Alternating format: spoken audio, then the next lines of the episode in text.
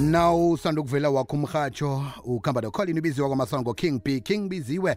Umhatsho ngomkhulu ikwekwez fm kukhanya ba lihlelo sidishile sabe sabe- sakuhamba nawe bekube yisimbi yesithathu. Uh, njenganje siqaqada phezu kwehlelo fakelo elithi umthetho mthetho rule of law nekulapho evane-ke sivu- sifundisana khona ngento eziningi ezikhambe zithinta umthetho eh nokuphila nokuhlala isikopilo labantu besewula afrika. Namhlanje sikekhe sakhuluma ukuthi-ke lilanga lapho ekubukwa khona i-freedom charter libizwa njenge-freedom charter day esewula afrika. Lokhu-ke kungombana ngezi-26 june 1955 kwaba nomtlolo lo owenza ukuthi-ke kugqine kutloleke umthethosisekelo obukwa njengomthethosisekelo phambili ephasini lonke eh ongamela-ke owangamela eh thina abahlali bangapha-ke ngesewula afrika. Kazi-ke okhunye kwenzekako eh kukuthi unanda ukhunjuzwa ukuthi-ke nakuza kuba ne-freedom charter le kulapho kwahlangana khona inhlangano ezahlukahlukeneko eh zezepolitiki ngaleso sikhathi zahlanganisa inhloko ukuthi singenza njani ukuthi impilo yabantu besewula afrika ibe ngcono. Kunabanye-ke abalo bayimpilo zabo eh ngokwenza njalo. Eh kunabanye-ke nje balahleka sibazi ukuthi bakuphi. Abantu eh kwagcine kuthiwa akube eh, nekomtshana yamaqiniso. Nalapho abanye bayakhuluma nje ukuthi amaqiniso laya khangaphuma woke. Munye wabazabalazi-ke ababakhona ngaleso sikhathi tsiyetsi mashinini waloba impilo yakhe. Ngasikade nje kuzabe kugidingwa begodu-ke kufundwa eh, nge- ngesikhumbuzo sakhe ukuthi ungubani begodu wathomaphi wayilwela kangangani ikululeko. Njengobana siyigidinga nje namhlanje sikululeko esiphila ngaphasi kwayo esewula afrika. Hlangana nabaningi bekhabe bakhona-ke emzabalazweni wango-1976 sikhuluma naye emtatweni njengalesi sikhathi ubaba useth wakwamazibuko. Baba mazibuko lotshani lotsha baba niphilile. Yoke into ikuhamba kamnandi bha siyathokoza ukuthola ithuba lokucocisana nawe namhlanje si? Siyaphila siyabonga siyabonga baba ngiyabonga kakhulu nami ukuthi ngikwazi ukuthi ngikhulumisane eh nabalaleli eh ekukhumbuleni usuku not usuku nje kuphela le freedom charter kodwa nalabo abalwela uyona lo freedom charter ukuthi ukwazi ukuthi siphile ngayo. Baningi-ke abangathi eyi siyathoma ukulizwa i- ibizo lakababa useth mazibuko. Eh ungasihlahlula ubaba udlale namtshana ulima indima engangani ekulwelweni kwekululeko njengobana khabe ukhona nawe nakuzatshalazwako ngonyaka 1976 bengumfana nje ngaleso sikhathi leso eh ngangena emzabalazweni ngiwumntwana kakhulu. I was ngo June 16 1976 um the day before i-15 zaka June i was just turning 16 and and um ngezi-11 ngezi- ngezi-13 zaka June kwakuyilanga lapho intsha yaseSoweto ama-students ahlangana khona eholweni elibizwa ngokuthi i-DOCC YMCA e-Orlando East eSoweto. Bahlangana lapho bezokhetha for the first time ikomiti elalizokwazi ukuthi liplane futhi ke lilide eh u- u- umzabalazo wange-16 and ke nami ke ngakhethwa ke ngaba u- u-chair owakhethwa kwaba utheatre mashinini yena lo esizabe sikhuluma ngaye ngolwesihlanu. And then bese kuthi ke i-deputy ka-theatre mashinini kwakuloba bokhuluma naye. Hmm. Mazibuko. And then um, I was then also elected as um, a representative of young people in the Release Mandela campaign. And and and uh, ke ngikhuluma ngo sikhuluma nje khuluma ngomntwana owayena 15 or 16 and then after that I was then ngaboshwa ngayohlala eh, i- i- 18 months kwakunomthetho ngaleso sikhathi ukuthi eh, isa- amabhuno angakubopha akuhlalisa uwedwa eselini for izi- izinyanga eziwu-18 ngahlala ke in solitary confinement ngulowo mntwana and being tortured for 18 months eh lapho sokhona khona manje constitutional court. Kwakuyijele elalibizwa ukuthi Johannesburg prison. Yazi masuka lapho ke base sebenginikisa ke Robben Island i was sentenced to Robben Island ngahlala 7 years ejele eRobben Island. Bamazibuko msela ngikhuluma nomuntu omkhulu khulu eSouth Africa pha. Uyazi- umuntu umuntu umuntu omkhulu nje omncane nje efanele nami inkosi yami. Eh angazi ukukhulu kungakanani kona engakusho ukuthi sometimes even noma ngikhuluma nabantu abasha or ngikhuluma nje nabantu uma ngibabalela zonke lezi zinto bathi nje awusitshele lo mzimbanyana omncane lo. Bamazibuko eh ngiba ukuthi ngithathe nakamathuthumba ama flowers ngiwa ngiwathathe ngokunikele wona ukuthi uwanukelele usaphila nje siyathokoza ngemsebenzi emkhulu kangaka ens- enisenzele yona. Eh kodwa okhunye ke namhlanje singibonile ukuthi ke lilanga lokulilisana nokukhumbula abantu abathotsharwako nakuza kutholakala i- ikululeko ephasini lonke nami ke angithathe yami ingwani ngiyithule ngiyibeke phasi siyanihlonipha siyathokoza baba mazibuko. Thokoza baba thokoza baba seven bese ke asicoce ngendaba ye freedom charter iyini isasebenza ukufika namhlanje sina? Eh, baba asiqale laqala sithi i-freedom charter bokuyi framework angazi ngabeka kanjani kuyi-framework okufanele leyo framework kube i-framework esisebenzela phezu kwazo imigaqo esebenzela phezu kwazo ekubeni sizokwazi ukuthi sikhulule abantu aba- aba- abantu bakithi abantu abamnyama sisekela sechaphuluko sisekela eh sisachulu esichaphuluko i foundation Exactly. That's it. The foundation. In so much that i constitution yala ekhaya i part of that constitution or greater part of that constitution isekelwe la ku freedom charter. Hmm. Now umbuzo obalulekile ubuze ekugcineni uma asiyeke kancane i-history ye ye freedom charter na- ukuthi i-data today ngo-1956 what happened and all that. 1955 sorry. Into ebalulekile fanele siyibheke manje ukuthi ingabe lesisekelo som- le foundation iyasebenza namanje mm. Ingabe le migaqo elaphayana kwi-freedom charter asikhathe wodwa asikhathe wodwa nje. Iya yathi i-freedom charter eh i kuzoba khona izindlu for wonke umuntu. Ufuna ukuthatha futhi esimple houses security and comfort. In other words umuntu waki umuntu bongafanelanga ngabe manje uhlupheka ngokuthi akanandlu ene le ndlu leyo ibe ne-security and comfort. Hmm. now ingabe siyakubona nalokho? Sisabona abantu bakithi behleli emjondolo. Sibona abantu bakithi behleli ezindlini ezibizwa ngokuthi ama-RDP ezingenayo le security and comfort now ingabe senza kahle na? Bengithi mina bofanele namhlanje kwalelanga sikhumbula ngayo freedom charter. Siyithathe siyibheke le freedom charter.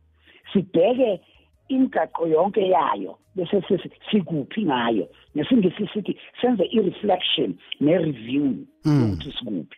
And yazi sizotholani ke mfowethu uzothola ukuthi sisemuva kakhulu. So i asithathe for instance into ethi fanele sonke kuyo yona i-freedom charter ikhuluma nange-economic development sikuphi? Ngokuthi wonke umuntu abe nako ukwazi ukuziphilisa. Sikwenye indawo sisasesimweni esibuhlungu ukuthi sasesimeni lapha abantu bakithi benganangisho namanzi. Hmm. after all these years abantu bakithi baphuza amanzi arong. Abantu bakithi imigwaqo abahleli kuyo inama-potholes. Abantu bakithi fu- futhi e- endaweni yasempumalanga ngiyayibone la ku-tv sesinama almost am- kuya- kuthiwa yini kuya- kuyiwa lapha emgwaqweni kuyotoyitoywa almost every month ama-statistics nama-figures ayasibonisa ukuthi every month at least siba nama-toyitoyo about-five or six. Baba mazibuko baba mazibuko ngiba ungibambele njalo khe sidlule ngaphasi buye siragele phambili. Eh ngiqale nomgomo eh owabe kwako vele uthi uyayivula i-freedom charter namhlanje si phezulu lapha kuxolwe ngamagabhadlela ukuthi people shall govern. Are we governing na? Ngiba ukuthi sokuthengisa sibuye singene phezu kwaleyo. Machumi amane womqarho otsengileko mlaleli ngekwekwezi fm abalaleli bangakuhlanganisa nenhlobo nomndeni owalahlekelana nawo. Thumela uthi asifunisane ku-email ethi info at ikwekwecfm co za udose umtato ehlelweni namkha uthumele iphimbo mgadangiso enomborweni ezokubizwa mrhatshi wehlelo. Asifuni sana ngosondo ngo-10 past 8 ebusuku. Umkhanyo ukhona. Kukhanya ba. Imzuzu njekanje machumi amabili nanye ngemva kwesimbi yesibili usakhamba nocolin ubiziwe wakwamasango king b king biziwe lilanga lokugidinga i-freedom charter. Eh yona-ke eyabamxolo oxolwa eh ukuthi-ke kube nomthethosisekelo esiwubukako namhlanje obukwa liphasi lonke ngikhambisana-ke nesithekeli sami la ubaba useth wakwamazibuko ngomunye wabazabalazeli bekululeko egade-ke akhona ngomnyaka ka-1976 sizokuqala nendaba-ke ye yesikhumbuzo sifundo sakatsietsi mashinini ngomunye wekhabe-ke bazabalaza naye ngonyaka ka-1976 nekhibe khona uvulela wakho umrhatsho sikhambisana naye-ke ungakhona ukuthi uzitholele-ke ne-podcast yalo leli hlelo ngokuthi utshinge ku-www ikwekwezfm co za babumazibuko eh kwathi abantu baza kubusa abantu bayabusa namhlanje si? Ba. Asiqale la. Masikhuluma ngokubusa siqale nje ngendlela esikhetha ngayo sivota ngayo. Siqale nje lapho. Indlela esivota ngayo asivoteli thina bantu asivoteli umuntu esizokwazi ukuthi nasimbeke lapha ya sikwazi ukuthi sithi buya kithi uzosebenzela mawuqeda ukusebenzela simongaba usebenzi kube yithi esixoshayo asiyenzi lonto indlela esikela ngayo okhethweni sikhetha ipati. Kube yipati esikhethela umuntu. Now there's a problem. Kunenkinga la ekubeni sikhetha kanjani abantu abasimele. Sinama-councillors siphumile angifuni nokukhuluma nangama-national eh, offices. Kuna asenze so abantu yazi mongabuza nje umuntu esemgwaqweni ubuza ukuthi abobani balapha neparlamente laba bahlale belwa or behlale bethukana or behlale benza so abobani abakumele lapha eparlamente yabona bangangitshela umuntu ezothi uyabazi. It will be a problem because abakhethi sithi abantu abaningi bakithi ababazi abantu abalapha eparlamente ababazi ukuthi ukhethe ubani kwiparlamente hey abantu bakithi ikhansela la la la ikhansela abalazi. Ikhansela abayazi. Now who is governing? It's not the people but it's a party. And yes the party is formed of the people but which people? And so in other words noma sesiya laphayana kwezinye indawo lapho abantu ba-racist khona kakhulu. Bazakwazi ukuthi ngabe sikhuluma ngeparty but yes gavuna iparty yethu and eh, iparty yethu noma ngabe racist so mfethu ngithi kuwena-ke ngithi kubalaleli ake sibhekeni la lento uhlelo esilisebenzisayo uma siyekhethweni sisho ukuthi ingabe lelo hlelo uhlelo yini elivumela abantu ukuthi bagavune number 2 sengizobeka nje kule ndawo people shall govern. I-constitution yala ekhaya iyaye ifune into ekuthiwa eh i-public participation kakhulu emalokishini nakuma masenza ama-local eh, eh, elections. Elections. Yes into engibuzayo ukuthi kwimithetho ekhona esigavunayo how i-public participation ibe kangakanani? Hmm.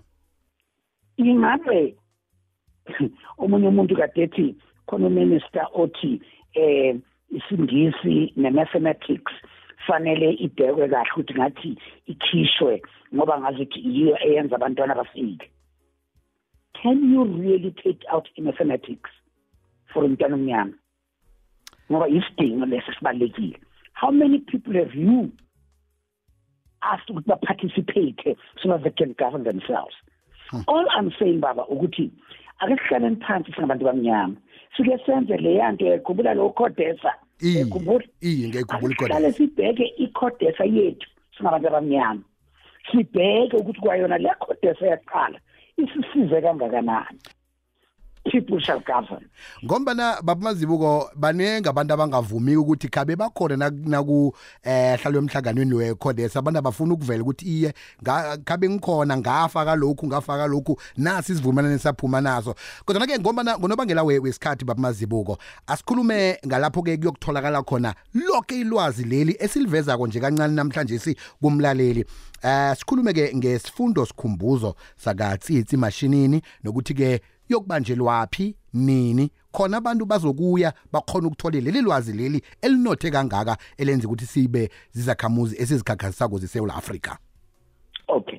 Eh ngihlolishiwe eh kakhulu eh, nangendlela yokuzithoba kumina nonke ukuthi nginikeze lesifundo eh esibizwe eh i-National Heritage Council ukuthi sibheke kakhulu i- u- i- i- economic empowerment yentsha and sibheke ngokuthi sibheke ukuthi sikwazi ukuthi si honore u inkokheli uTsiyetsi Mashinini and eh izabe eh, ilaphayana eFreedom Park. Freedom Park kulapho khona. It's a very spiritual place indawo la esi yayisikhumbule kwenzakala e- ezweni lethu nokuhlangana kwethu namanye amazwe. Eh izabe ngolwesihlanu and izabe ikhona futhi nakuweba na and then eh, abantu bangakwazi ukuthi bayithole lapha nakuweba na or eh bafonele e-National Heritage Council ukuze bakwazi ukuthi babanikeze i-connection. And eh, sizabe silapho ke ngolesihlanu sixoxa zona le ndaba silungisa umhlaba wethu. Njengombana ubaba mazibu akhulumisana akhulumisa indaba yobana eh lilinki le ezakuthatha ikufake khona emhlanganweni ikufake eminyanyeni wokugidinga wesikhumbuzo usekhaya. Eh manje ke eh baba umazibuko ilinki le siyithola ngokuthi sidosi umtato qangi siyibawe bese bayasithumela. yes eh angiphethe la mina kwamanje kodwa ke mawungabe eh, mhlambe emva kokuthi ubeke phansi mabe sesengiyayenza ngokuthumelela yona then ungakwazi ukunikeza aba- aba- aba- aba- abalaleli. Ngizakwenza njalo inombolo leyo ngizayithatha ngiyifake nalapha ke ku-facebook ukuthi ke nabantu abatsha sikhulukhulu abantu abatsha ngombana ngibafane bathole ilwazi elinothe kangaka. Into ebalulekile uyazi ngize ngayithatha inkulumo yami ngi- ya njengoba ibhekene kakhulu nabantu abasha ngize ngayibeka ngokuthi the values the virtues the victories of um, youth leadership and participation Mm. Si- sizwe ngis- Sithi it the values the virtues the victories of youth leadership and participation so uma sikhuluma ngabantu abasha fanele sibheke ukuthi abantu abasha bayakhokhela ngendlela e-right nakhona economically ukuze bakwazi ukuthi ba-advance. And we must see to it with how do they participate? Are they still participating? Ngizabe ngibheka i-leadership ka-1976 ne-participation yalika-1976 bese ngithi sikuphi kuye manje. Kunabantu abatsha nje abafunda i-political science mhlambe ingabasiza kangangani webe naleni ukuthi beze bunqopha lapha e-freedom park? Yeah, it would help them a great deal because sisesikhathini lapho ekuf- kufanele a- abantu abasha eh angithathi mina lento ukuthi abantu abasha ba- aba- abazingeni le bazingena kakhulu into zepolitiki. Kodwa okubalulekile ukuthi fanele kube nendlela i usually say there must be an ethical leadership not just leadership but ethical leadership. So abantu abasha is about time that babheke kabusha ekutheni how do they elect their leaders? That to me is very important. Whether their leaders in the organization or kwi-party or kwi-community and leadership esikolweni na- uyabona masikhetha thina ngize ngikhethwe ngina 15 years kusho ukuthi khona into abayibona abayibonako iye. Yebo. So kufanele kube naleyo nto leyo baba ekufanele abantu abasha bayifunde and amapoli laba benza ipolitiki esikolweni they will enjoy the lecture very much on friday. Bamazibuko ngiba ukuthi eh ngemva kwemzuzu emhlanu ngizakubuya kuwe ngithola inomboro bese ke ngiyayikhuluma emoyeni ngizayitshela lapha ku-facebook ukuthi ke bathole ilink yewebana ukuthi bakhona ukuthi bazibandakanye. Sithokoze khulu kwamambala. Siyathokoza siyathokoza baba siyathokoza baba. Siyakuhlonipha siyasigagasisa ngawe baba mazibuko ngiyabonga baba ngiyabonga baba mnyama humble aha. Besikhulumisana naye ngubaba useth wakwamazibuko mzabalazeli wekululeko njengobana eh kulilanga lokugidinga i-freedom charter nje. Bekindlebeke enza kuya nenomboro lapho uza kuthola khona i-link nayikhibe mhlawumbe kezwa wakhona ukuthi u-athende bunqopha lapha-ke e-freedom park. Machumi amane womqarho otsengileko